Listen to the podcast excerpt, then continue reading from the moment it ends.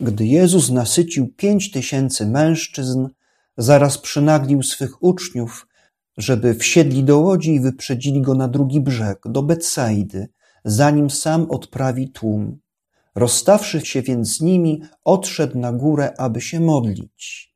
Wieczór zapadł, łódź była na środku jeziora, a on sam jeden na lądzie. Widząc, jak się trudzili przy wiosłowaniu, bo wiatr był im przeciwny, około czwartej straży nocnej przyszedł do nich, krocząc po jeziorze i chciał ich minąć. Oni zaś, gdy go ujrzeli kroczącego po jeziorze, myśleli, że to zjawa i zaczęli krzyczeć. Widzieli go bowiem wszyscy i zatrwożyli się. Lecz on zaraz przemówił do nich: Odwagi, to ja jestem, nie bójcie się. I wszedł do nich do łodzi, a wiatr się uciszył. Wtedy oni tym bardziej zdumieli się w duszy, nie zrozumieli bowiem zajścia z chlebami, gdyż umysł ich był otępiały. Oto słowo Pańskie. Niech słowa Ewangelii zgładzą nasze grzechy. W tym czasie, kiedy ciągle mamy zaproszenie, żeby wracać do tajemnicy objawienia Pańskiego, dzisiaj zauważmy, że sam Jezus ma objawienie. Jezus ma objawienie w czasie swojej modlitwy. Oto apostołowie wypływają y, na jezioro galilejskie. Jest wieczór, kiedy Jezus zaczyna się modlić, i w pewnym momencie, w trakcie tej nocy, ma widzenie. Widząc, jak się trudzili przy wiosłowiawaniu, bo wiatr był im przeciwny, a więc Wieczór zapadł, jest już ciemno. Oni są na środku jeziora, ale Jezus w modlitwie, bo został sam, aby się modlić. W miejscu cudownego rozmnożenia chleba. Poruszony tą sytuacją, zaczyna do nich iść i dopiero około czwartej straży nocnej przyszedł do nich. Czwarta straż nocna zaczyna się o trzeciej rano, a więc to już jest nad ranem, to wszystko jest rozłożone w czasie.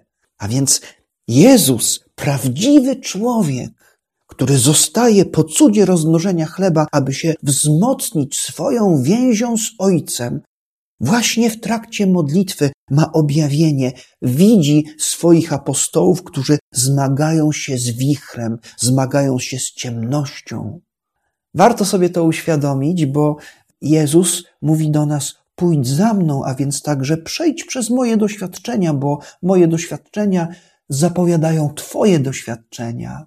A więc modlitwa Jezusa, która go prowadzi do objawienia, jest zaproszeniem dla nas. To na modlitwie Bóg nam objawia nie tylko siebie, ale także objawia nam ten świat, do którego nas zaprasza, byśmy my w modlitwie, patrząc na świat, tak jak nam to pokazuje Bóg Ojciec, byśmy potrafili z litości odpowiedzieć Bogu poprzez miłość.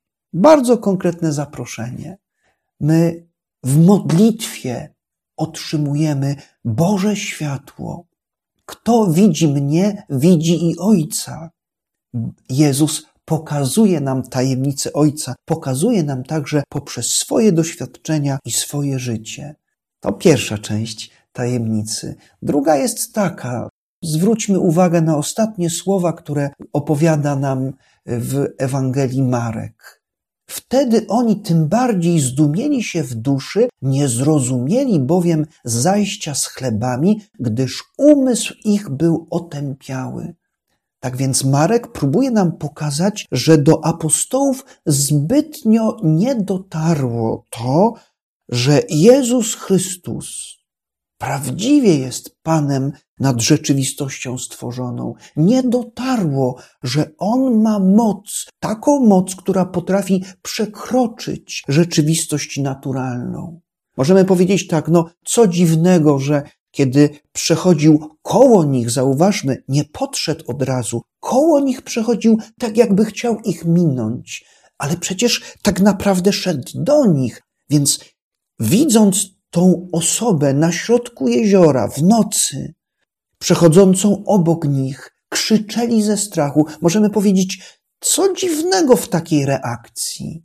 Otóż dziwne jest to, że umysł, który mieli otępiały, został w taki sposób stworzony przez Boga, aby móc rozpoznać samego Boga. Przypomnijmy sobie inne wydarzenie z nad tego samego jeziora, kiedy uczniowie pańscy są blisko brzegu, wyciągają olbrzymie mnóstwo ryb i Jan, widząc jakąś osobę przy brzegu, potrafi powiedzieć: To jest Pan. Rozpoznał umysłem, wtedy umysł jego nie był otępiały. Przełóżmy to na konkret naszego życia. Oto jesteśmy w Bożych rękach. Jeżeli powierzyliśmy się Bogu, jeśli zaprosiliśmy Boga do naszego życia, to nawet jeśli wydaje się, że Pan jest ukryty, On jest z nami.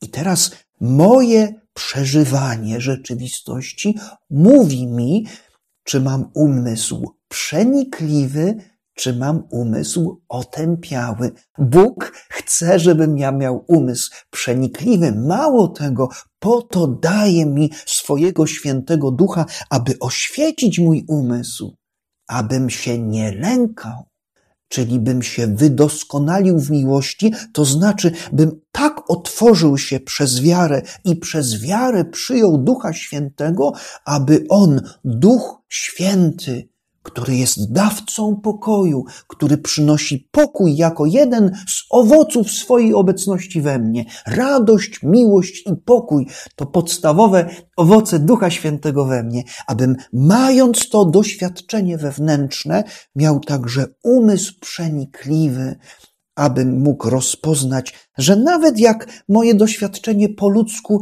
wydaje się być dramatyczne, tak jak doświadczenie apostołów na jeziorze, burza na jeziorze, wicher na jeziorze, fale, poczucie zagrożenia, niebezpieczeństwa.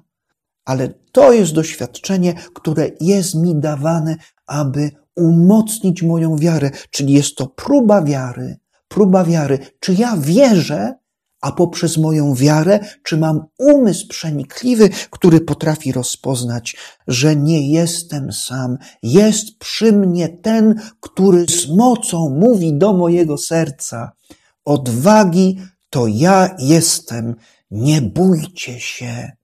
Jeśli mam umysł przenikliwy, otwarty na Ducha Świętego, to w każdych ciemnościach, w każdej niemocy, w każdym doświadczeniu zagrożenia, rozpoznaje, że jest Pan, który ciągle na nowo powtarza te słowa odwagi, to ja jestem, nie bójcie się. I to nie są tylko słowa, to są słowa z mocą Ducha Świętego, przemieniającą moje serce, czyli dającą mi doświadczenie pokoju. To jest dobra nowina i to jest objawienie, które dla mnie przygotowuje Pan Bóg. On chce mnie prowadzić tym wewnętrznym objawieniem.